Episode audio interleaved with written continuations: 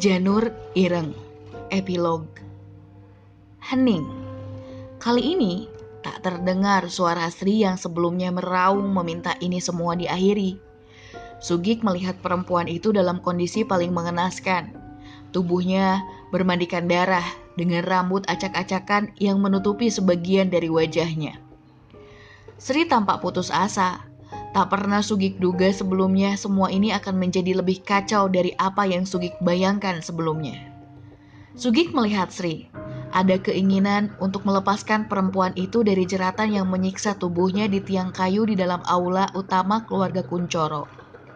Sugik tahu bahwa apa yang dia lakukan ini adalah bagian dari perintah bila ingin mengakhiri segala tragedi busuk di dalam rojot yang pernah dia dengar dari mulut pemuda itu Setidaknya perasaan yang sudah lama menggumpal di dalam hatinya akan terbalaskan.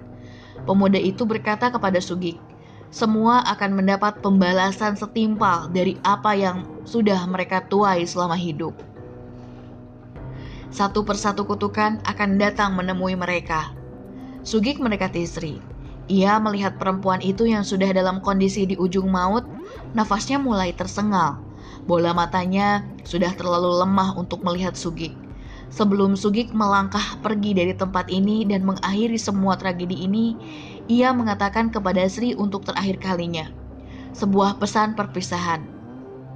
Aku harus pergi, Sri. Aku benar-benar minta maaf sudah melibatkanmu sampai sejauh ini. Tapi percayalah, kelak kau akan mengerti bahwa ini adalah bagian yang harus aku mainkan. Sugik mengakhiri pekerjaannya hari ini. Ia mulai mengguyur seluruh tempat ini dengan bensin yang sudah ia persiapkan sebelumnya. Sri mengerang, memohon, namun kata-katanya tak sampai di telinga Sugik. Namun Sri berusaha lebih keras.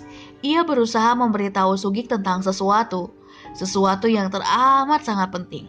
Sugik melihat Sri untuk terakhir kali sebelum melemparkan korek api dari dalam kantong celana miliknya. Kobaran api menjalar memenuhi tempat ini. Lidah api mulai membakar lantai kayu yang berlumuran genangan darah. Sugik pergi meninggalkan Sri seorang diri di tempat ini. Sayup-sayup dari pandangan Sri, ia melihat seekor kambing hitam mengawasi dirinya dari balik bara api yang menyala-nyala. Bokolono datang menemui dirinya. Terdengar suara langkah kaki di lorong kayu. Seorang wanita yang menutupi dirinya dengan sehelai kain tengah menyusuri anak tangga. Di sana, ia berhenti sejenak sebelum mengetuk pintu dengan plat besi yang tergantung di dalam di pintu.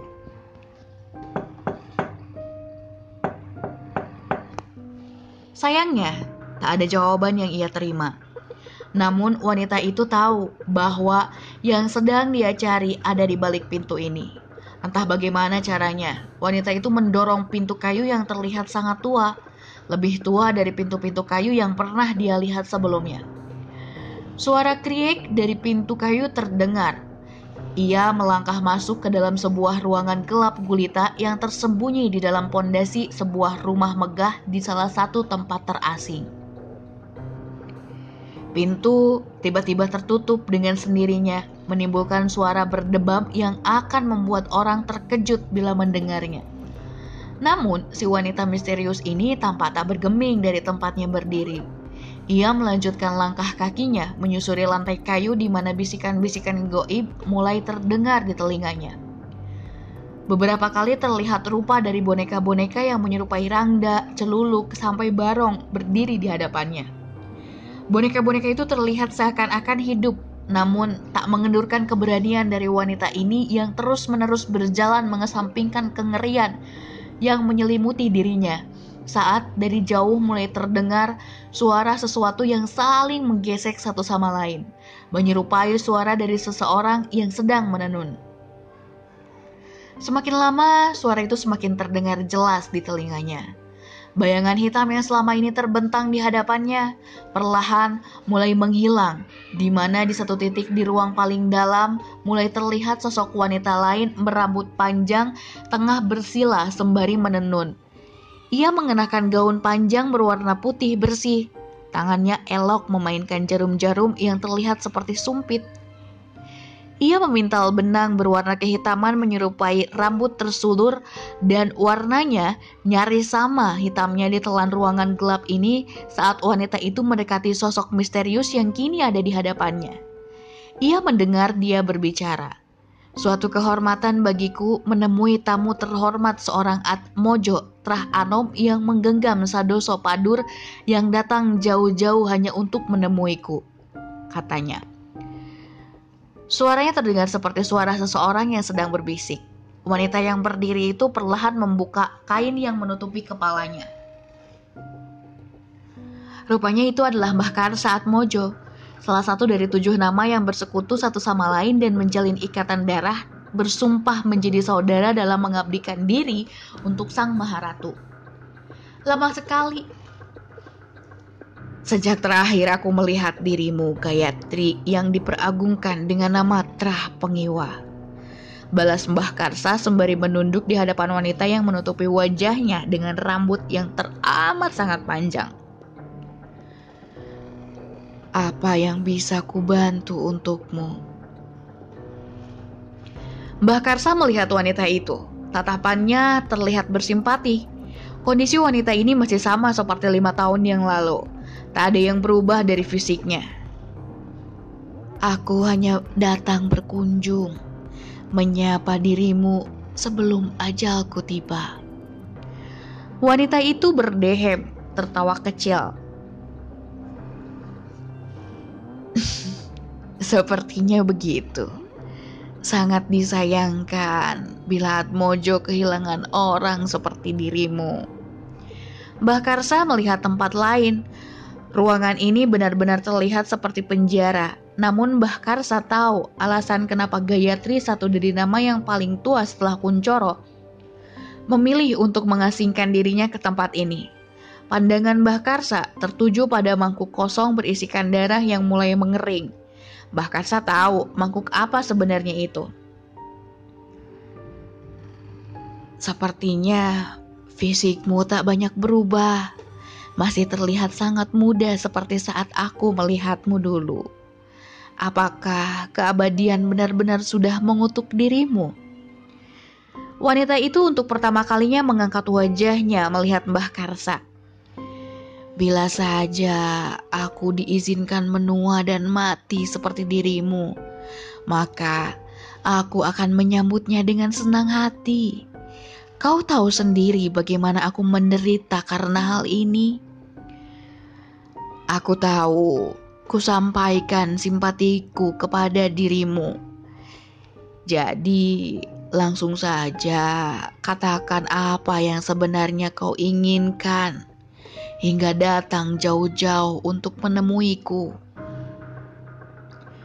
Mbah Karsa mengangguk tersenyum. Kau pasti tahu. Aku masih bertanya-tanya sampai saat ini. Kenapa di saat-saat terakhir sebelum santet janur irang dilepas, kau memutuskan untuk bergabung bersama kami? Jelas-jelas kami semua tahu kau begitu dekat dengan keluarga Kunjoro. Bahkan kau mengenal Arjo saat dia masih anak-anak. Apa yang membuatmu berubah pikiran? Wanita itu terdiam lama, mematung sebelum menjawab pertanyaan Mbah Karsa. Banyak hal yang harus aku pertimbangkan. Hal ini bukan karena hanya serta-merta menghapus satu nama di antara kita bertujuh. Namun, aku sadar bahwa hari di saat satu persatu dari kita akan menebus segala dosa yang selama ini sudah kita perbuat. Hari itu akan segera tiba. Jadi, kuputuskan untuk mempercepat semuanya. Hanya itu Arjo Kuncoro adalah anak yang baik. Setidaknya itu yang ku ketahui. Dia hanya menginginkan nama Kuncoro tak diinjak-injak oleh dia. Tapi Arjo lima tahun yang lalu benar-benar berbeda dari Arjo yang ku kenal dulu. Ia hanya tidak tahu bagaimana harus bersikap ketika nama Kuncoro sebenarnya sudah di ujung tanduk saat Monokolo memutuskan untuk melepaskan posisinya dan memberikannya kepada dia. dia, Mbah Karsa berdehem. Sebenarnya ada sesuatu yang ingin kuberikan padamu. Mbah Karsa melihat wanita itu. Ia mengambil sesuatu dari dalam pakaiannya, sebuah kertas yang dilipat dengan tali rambut. Ini menyangkut tentang penerusmu. Kau harus tahu siapa Kudro dari Atmojo. Mbah Karsa tampak terkejut mendengarnya. Ia merasa aneh. Bukan hal yang biasa bagi sesama Trahpitu untuk saling bertukar informasi tentang Kudro. Mereka tanpa adanya transaksi. Namun ada apa dengan Gayatri? Kenapa ia terlalu baik kepada dirinya? Apakah ada maksud lain di dia melakukan ini? Apa kau melakukan ini? Wanita itu memandang Karsa dengan sorot mata tajam lalu berujar, Apakah kau tahu rogot nyowo dimulai dari penerusmu. Mbah Karsa mengangguk sebelum bersiap untuk pagi untuk pergi saat tiba-tiba ia berhenti lalu mengatakan, "Sudah berapa lama kau tidak tidur?" Wanita itu tersenyum lalu berkata, Sejak kematian para kuncoro, aku bersumpah tidak akan ada lagi dan tidak akan pernah tidur untuk menghukum diriku sendiri. Mbah Karsa mengangguk mencoba untuk mengerti. Kau masih menyantap janin-janin yang dibawakan kepadamu? Wanita itu melihat mangkuk bersimbah darah yang ada di sampingnya. Ia lalu berkata, "Apakah aku harus menjawab semua pertanyaanmu?" Tidak perlu. Fisikmu yang tidak pernah berubah sudah cukup untuk menjawabnya. Sekali lagi, kuucapkan terima kasih. Mbah Karsa melangkah pergi meninggalkan wanita itu. Pastika Gayatri. Mbah Karsa tidak akan pernah melupakan nama keluarga itu di dalam sisa hidupnya. Saudari kembar dari seorang Rinjani yang pernah hampir menaklukkan Trah Pitu bila saja Codro saat itu tidak sigap untuk menangkapnya. Trah pitu lakon.